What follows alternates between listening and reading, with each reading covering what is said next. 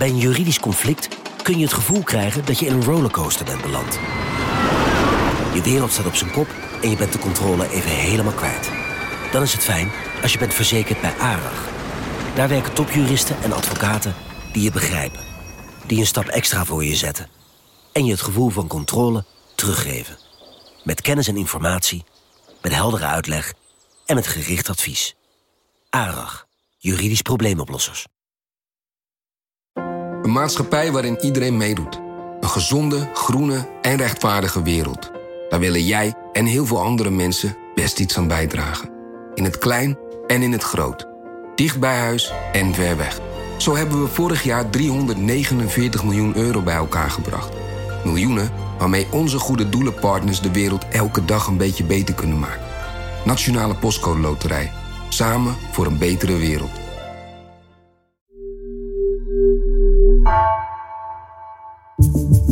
Vanaf de redactie van NRC het verhaal van vandaag. Mijn naam is Gabriella Ader.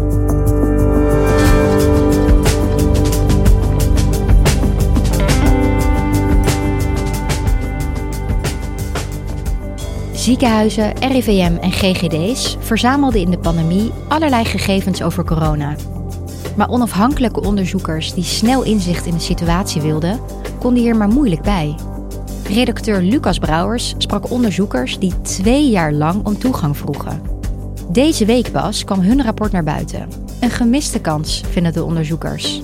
Waarom moesten zij zo lang wachten?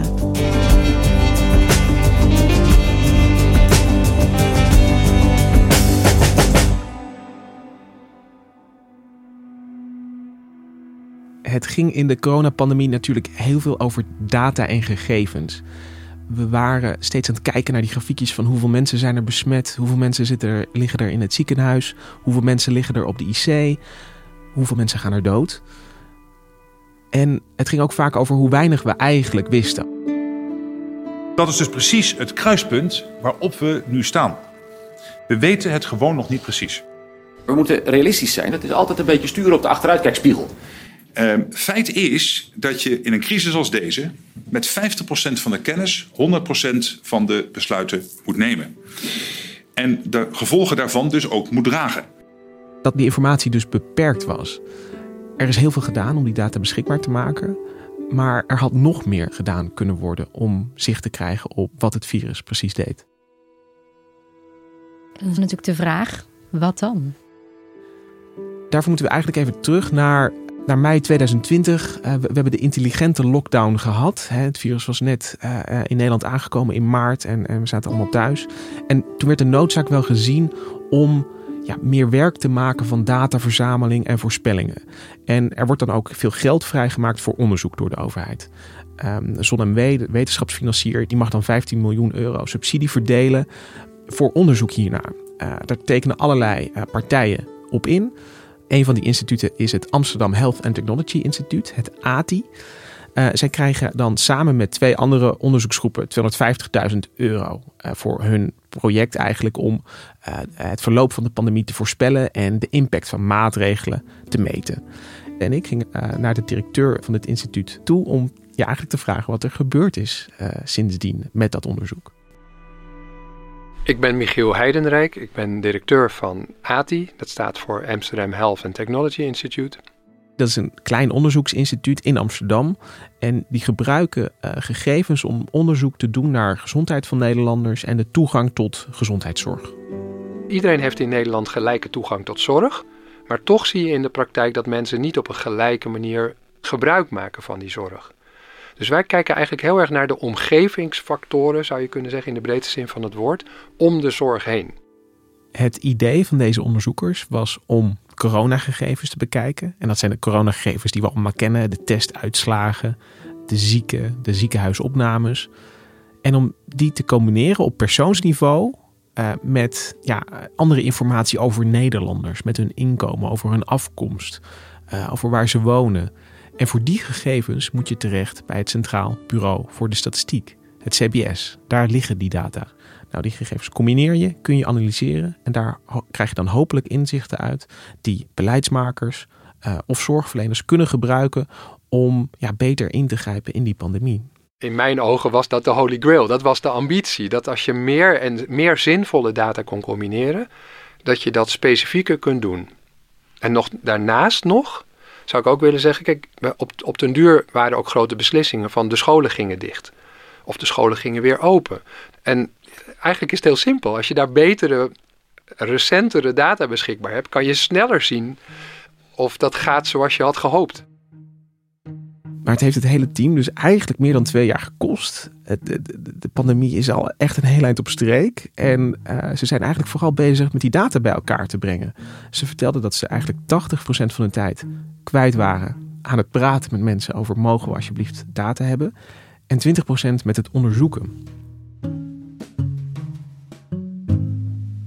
Deze week dus echt 2,5 eh, jaar eigenlijk nadat ze die subsidie kregen, kwam hun rapport uit. En daar staan interessante dingen in over wie er ziek werden, wanneer ze ziek werden, hoe ziek ze werden. Maar eigenlijk tot frustratie van de onderzoekers zelf komt het te laat. En is het een gemiste kans? Want die inzichten die daarin zitten, die kun je nu niet meer gebruiken om specifieke maatregelen te nemen of dingetjes te veranderen. En daarin is het contrast van de Nederlandse situatie, waar we dit na twee jaar eigenlijk nog steeds niet hebben opgelost, wel groot met bijvoorbeeld Scandinavische landen. In, in Denemarken um, kwam er veel meer ja, gegevens kwamen er vrij en werd er ook sneller op gehandeld. Vaccinatiecampagnes werden bijvoorbeeld bijgesteld, omdat er werd, al werd gezien na die eerste uh, vaccinatie dat uh, dat al snel impact had. Dus als je die data transparant deelt, dan is er ook echt meer mogelijk. Het is echt een voorbeeld van monster na de maaltijd, als ik het zo hoor ja, dat soort metaforen kwamen vaak voorbij. Water onder de brug. Allemaal interessante inzichten, maar te laat om er nog iets mee te doen. Wij wilden eigenlijk gewoon risicogroepen in kaart brengen. En, en dus vanuit de kans op infectie tot de kans op ernstig beloop. Maar wat het nu vooral doet, is dat er natuurlijk steeds meer mensen zich in afvragen: van ja, waarom, waarom is dit eigenlijk niet gelukt?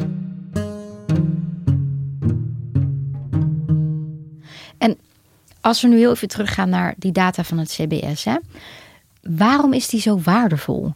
Het CBS is echt een goudmijn, omdat de gegevens van ons allemaal daarin zitten. En hoe komen ze dan in? Uh, het CBS mag bij wet, uh, krijgt het gegevens van allerlei instanties die voor de overheid of zelfoverheid zijn, uh, gegevens verzamelen. Zoals de Belastingdienst, die, die geeft door ja, wat wij allemaal verdienen. Moet ook, want het CBS moet uiteindelijk het bruto nationaal product uh, uitrekenen. Dat zijn we ook verplicht om aan te leveren in Europa. Dus dat zijn gegevens die het CBS ook nodig heeft om, om mee te werken. En bij het CBS kun je nog veel meer uh, gegevens vinden. Bijvoorbeeld over de samenstelling van huishoudens. Uh, wonen er kinderen ergens of niet? over migratieachtergrond. Heeft iemand dat? En wat er ook gebeurt, is dat instanties gegevens aandragen bij het CBS. Om daar ook een koppeling te maken. Dat kunnen bijvoorbeeld eh, gegevens zijn over medicatiegebruik, maar dus ook coronagegevens, testuitslagen, ziekenhuisopnames. En die kunnen dan ook daaraan gekoppeld worden. Gewoon op persoonsniveau. Dus dan is echt bij, ja, in, in dezelfde uh, rij in de tabel.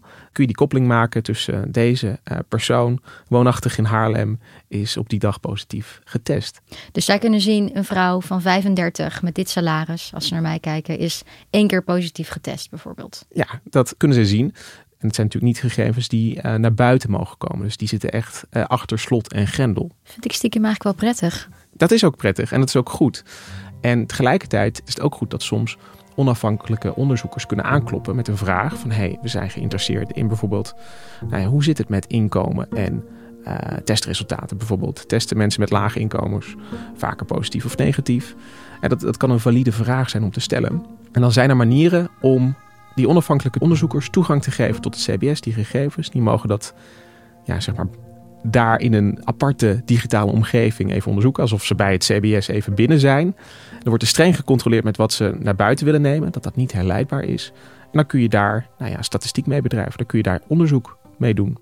Maar ik kan me herinneren tijdens de pandemie dat het CBS zelf ook allerlei grafieken en tabellen uitbracht. Ik bedoel, het CBS doet zelf ook onderzoek met die data, toch? Uh, klopt zeker. En uh, eh, CBS is heel erg belangrijk voor de sterfteregistratie bijvoorbeeld. En de beheerders van de data zelf, die doen ook onderzoek. Dus het, het, uh, het RIVM bracht inderdaad ook zelf allerlei staatjes naar buiten over het verloop, het aantal besmettingen. dus RVM, CBS, GGD doen allemaal eigen onderzoek. En toch zijn er in Nederland mogelijkheden om onafhankelijke onderzoekers daar ook toegang toe te geven. En dat is dus eigenlijk wat het ATI ook wilde. Dat is wat het ATI heel graag wilde. En wat hebben ze onderzocht? Nou, ze, een van de vragen die ze bijvoorbeeld hadden was: uh, hoe zit het met de etnische achtergrond van mensen? Gaat het virus harder rond in bepaalde gemeenschappen bijvoorbeeld? Zijn mensen extra kwetsbaar? Worden ze vaker opgenomen in het ziekenhuis? Zodat je daar vervolgens beleid op kan maken. Ja, dat kun je je voorstellen. Wat waren de uitkomsten van het onderzoek? Eén ding wat ik wel interessant vond. Er kwamen tijdens de pandemie al verhalen naar buiten van, van dokters die op hun IC zagen dat er veel mensen met een Marokkaanse achtergrond of Turks achtergrond lagen. En, en dat, dat wilden agenderen. Ehm, dat is dan zeg maar anekdotisch. Je hebt dan daar geen cijfers van. En het CBS is een hele mooie plek. Die registreert ook Etnische achtergrond. En daarmee kun je, omdat je dan gegevens van alle Nederlanders hebt, kun je daar vragen over stellen. En als je dan gaat kijken naar uh, zestigers met een laag inkomen. En dus dan heb je dat al beperkt. En dan ga je naar kijken met mensen met een Marokkaanse achtergrond en mensen met een Nederlandse achtergrond. En dan zie je dat van de groep zonder migratieachtergrond is 0,2% daarvan opgenomen in het ziekenhuis. En als je kijkt naar mensen met een Marokkaanse achtergrond, is dat anderhalf procent. Het is ruim een procent verschil. Ja, en dus, dus een zeven keer grotere kans. En dat is echt veel. En nou, dat is een voorbeeld van een inzicht. Uh, dat had je misschien op dat moment willen weten. Bijvoorbeeld, eh, ik noem maar wat, hè, en dat is niet onderzocht, maar je kunt denken aan dat je extra je best doet om uh, deze groepen te bereiken met, met informatie. Uh, dat je misschien informatie vertaalt of toegankelijker maakt. En misschien op andere manieren dan, uh, dan via een persconferentie. En waren er nog andere uitkomsten van het onderzoek waarvan je dacht, oh, dat is interessant? Wat ik ook een interessante vond, is dat je ehm, ja, veel specifieker op verschillende coronagolven kan, kan inzoomen. En dan zie je dat in de najaarsgolf van 2020, als je dan naar de jongeren kijkt, dat het virus veel harder rondging onder jongeren met een Turkse en Marokkaanse achtergrond. En we kregen ook een golf in de zomer van 2021. Toen was het vaccineren al begonnen. En dan zie je dat het uh, virus veel harder rondgaat onder jongeren zonder migratieachtergrond. Kijk, dat deze golf er was, uh, dat is natuurlijk niet nieuw. Maar wat je met deze dataset uh, kan doen, is dat je ja, verder gaat dan gewoon jongeren. En bijvoorbeeld een vraag kan stellen over, over de migratieachtergrond van deze jongeren. En dan zie je dat die er dus vaak niet is. Dus dat is, dat is nieuwe informatie. Je kunt ook bijvoorbeeld gaan kijken naar hè, wat is het inkomen van de huishoudens waar deze jongeren uitkomen. Nou ja, dan zie je dat dat vooral hoge inkomens zijn. Dus zo krijgt die golf krijgt eigenlijk meer dimensies. En dat kan dus doordat je die data koppelt, doordat je het over elkaar heen legt. Daarmee kun je ja, die groep blijven verfijnen en, en steeds dieper inzoomen.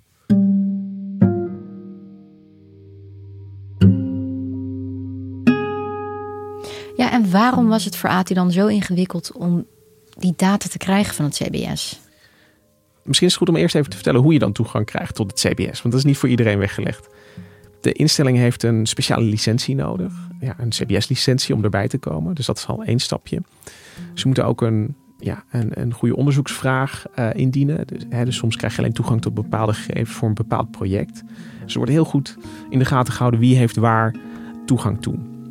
Maar je hebt hier te maken met, met gegevens die via andere bronnen komen. Bijvoorbeeld GGD's, bijvoorbeeld RIVM, bijvoorbeeld ziekenhuizen. En ja, die moeten wel uiteindelijk toch toestemming geven om dat te koppelen binnen die omgeving van het CBS. Dus als ik het goed begrijp, is het CBS een soort van grote opslagplek. Waar een RIVM, waar een GGD hun informatie stallen. Maar zij willen wel dezelfde toestemming kunnen geven als het CBS die gegevens uitdeelt. Ja, en dat is natuurlijk op zich een heel mooi principe. Weet je, je hebt één partij waar je dat samenbrengt en waar je dus ook die koppeling kan laten plaatsvinden. Dat is goed geregeld, zou je zeggen. Maar het blijft dus hangen op die toestemming. Die toestemming van die bronhouders, zoals ze in, in het CBS-jargon worden genoemd. Ja, en waarom zeggen die bronhouders nee? Of hebben zij in ieder geval nee gezegd twee jaar lang? Uh, er zijn verschillende oorzaken. Maar één van de zaken waar de AT-onderzoekers vaak tegenaan liepen, is onduidelijkheid. En dan is het onduidelijkheid over de juridische status eigenlijk van deze gegevens. Het liep vast op de privacywetgeving, maar zoals die werd geïnterpreteerd. En daar was er te veel twijfel. Sommigen vonden dat het absoluut niet kon en, en anderen hadden twijfel of je deze gegevens mocht uploaden, zoals dat dan heet, naar CBS. Of je die dus naar die omgeving van CBS mocht brengen. Ja, vaak is niet uh, aan patiënten toestemming gevraagd om uh, die gegevens verder te delen met onafhankelijke onderzoekers. Uh, maar het is ook goed om te weten dat dat voor heel veel gegevens gewoon al gebeurt. Voor heel veel ziektes, aandoeningen verloopt die registratie dus eigenlijk geruisloos. Kun je ook wat van vinden, maar dat gebeurt. Het laat ook, denk ik, een beetje zien, hè, die gegevensstromen die, die, die zijn er al wel. Omdat ze bij corona zo expliciet werden, ja, werd iedereen toch een beetje zenuwachtig. Ja, dus als ik het goed begrijp, wordt er al superveel informatie verzameld bij het CBS en verstrekt hij dat ook met de juiste vragen. Waarom is het dan specifiek bij corona zo gevoelig? Ja, de ethische onderzoekers ja, kunnen dat ook niet enorm hard maken, dat het meespeelt. Maar er, er zit natuurlijk een, een, politieke gevoeligheid ook rondom deze gegevens. Wat er bij corona aan de hand was, is dat het natuurlijk een ongeëvenaarde situatie was. Ik bedoel, ja, het hele land stond op de kop. Er stond een enorme druk op al die beleidskeuzes. Dus alles werd van, van alle kanten bekeken. En de GGD en de RIVM en andere partijen, die hebben dan data in hun bezit van de burgers, van ons. En zij moeten natuurlijk daar heel verantwoordelijk mee omgaan. Dus is het op zich logisch bij twijfel niet doen. Wat natuurlijk frustrerend was, is dat deze data ja, buitengewoon relevant was. En dat zie je misschien nog het sterkste rondom uh, de vaccinatiegegevens. Het RIVM heeft die verzameld bij elkaar gebracht. Ook bij het CBS geparkeerd. Maar tot nu toe heeft, hebben geen andere onderzoekers daar uh, naar kunnen kijken. En uh, dat is volgens de RIVM vanwege die juridische onduidelijkheid. Um, de minister heeft gevraagd aan de landsadvocaat om dit nou eens uit te zoeken. En dat wordt heel binnenkort verwacht, het advies over hoe kunnen we dit nou doen. Uh, en het ja, punt voor het RIVM is, is dat niemand, toen wij onze vaccins gingen halen, toen hebben wij wel ergens een krabbeltje gezet bij dat het RIVM deze data mag gebruiken. Maar wij hebben toen geen toestemming gegeven voor onafhankelijke onderzoekers om daar naar te kijken. Dus dat wordt nu nog uitgezocht hoe dat juridisch precies uh, loopt. En of ze daarmee een risico lopen als ze dat zouden delen aan derden. Ik denk dat ik de volgende keer als ik een vaccin neem toch beter naar de kleine lettertjes moet kijken. Want ik kan me dit niet herinneren. Ja, tegelijkertijd ja en nee. Want ja, we, we hebben nog veel meer vaccins uh, gehad. En die data, ja, die zijn ook bij andere onderzoekers terechtgekomen. Kijk, in, in, ja, als we het even heel groot maken, uh, gaat het over van, van wie is data eigenlijk? Ja, dat, dat, is eigenlijk de vraag die hier onder deze hele kwestie hangt. En veel van die datastromen die zijn gewoon onzichtbaar op dit moment. En er is echt best wel veel voor te zeggen om dat veel zichtbaarder te maken. dus de, de onduidelijkheid waar al die organisaties mee zitten, die is op een of andere manier ook heeft dat ermee te maken met dat het onduidelijk voor ons is. Ik, ik, weet ook niet waar al mijn data precies zitten. En het, ik zou het ook prettig vinden als ik dat weet. En dan zou ik het geen probleem vinden. Ja, prima dat de Belastingdienst weet hoeveel ik verdien. En prima dat ze dat doorgeven aan het CBS. Als je maar weet ook wat het doel is. Ja, van, van wat gebeurt daarmee. Dat, is, dat zijn fijne dingen om te weten.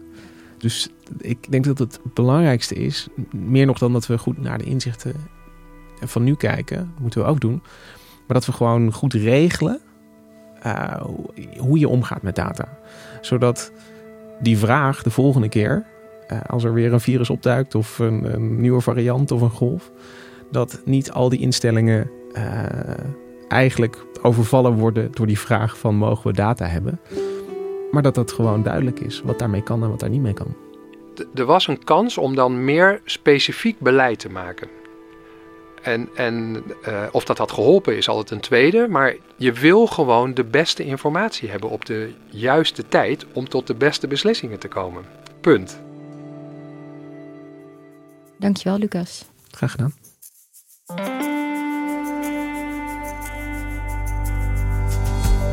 Je luistert naar vandaag, een podcast van NRC. Eén verhaal, elke dag. Deze aflevering werd gemaakt door Ruben Pest, Ignaat Schoot en Bas van Willen. Dit was vandaag, morgen weer.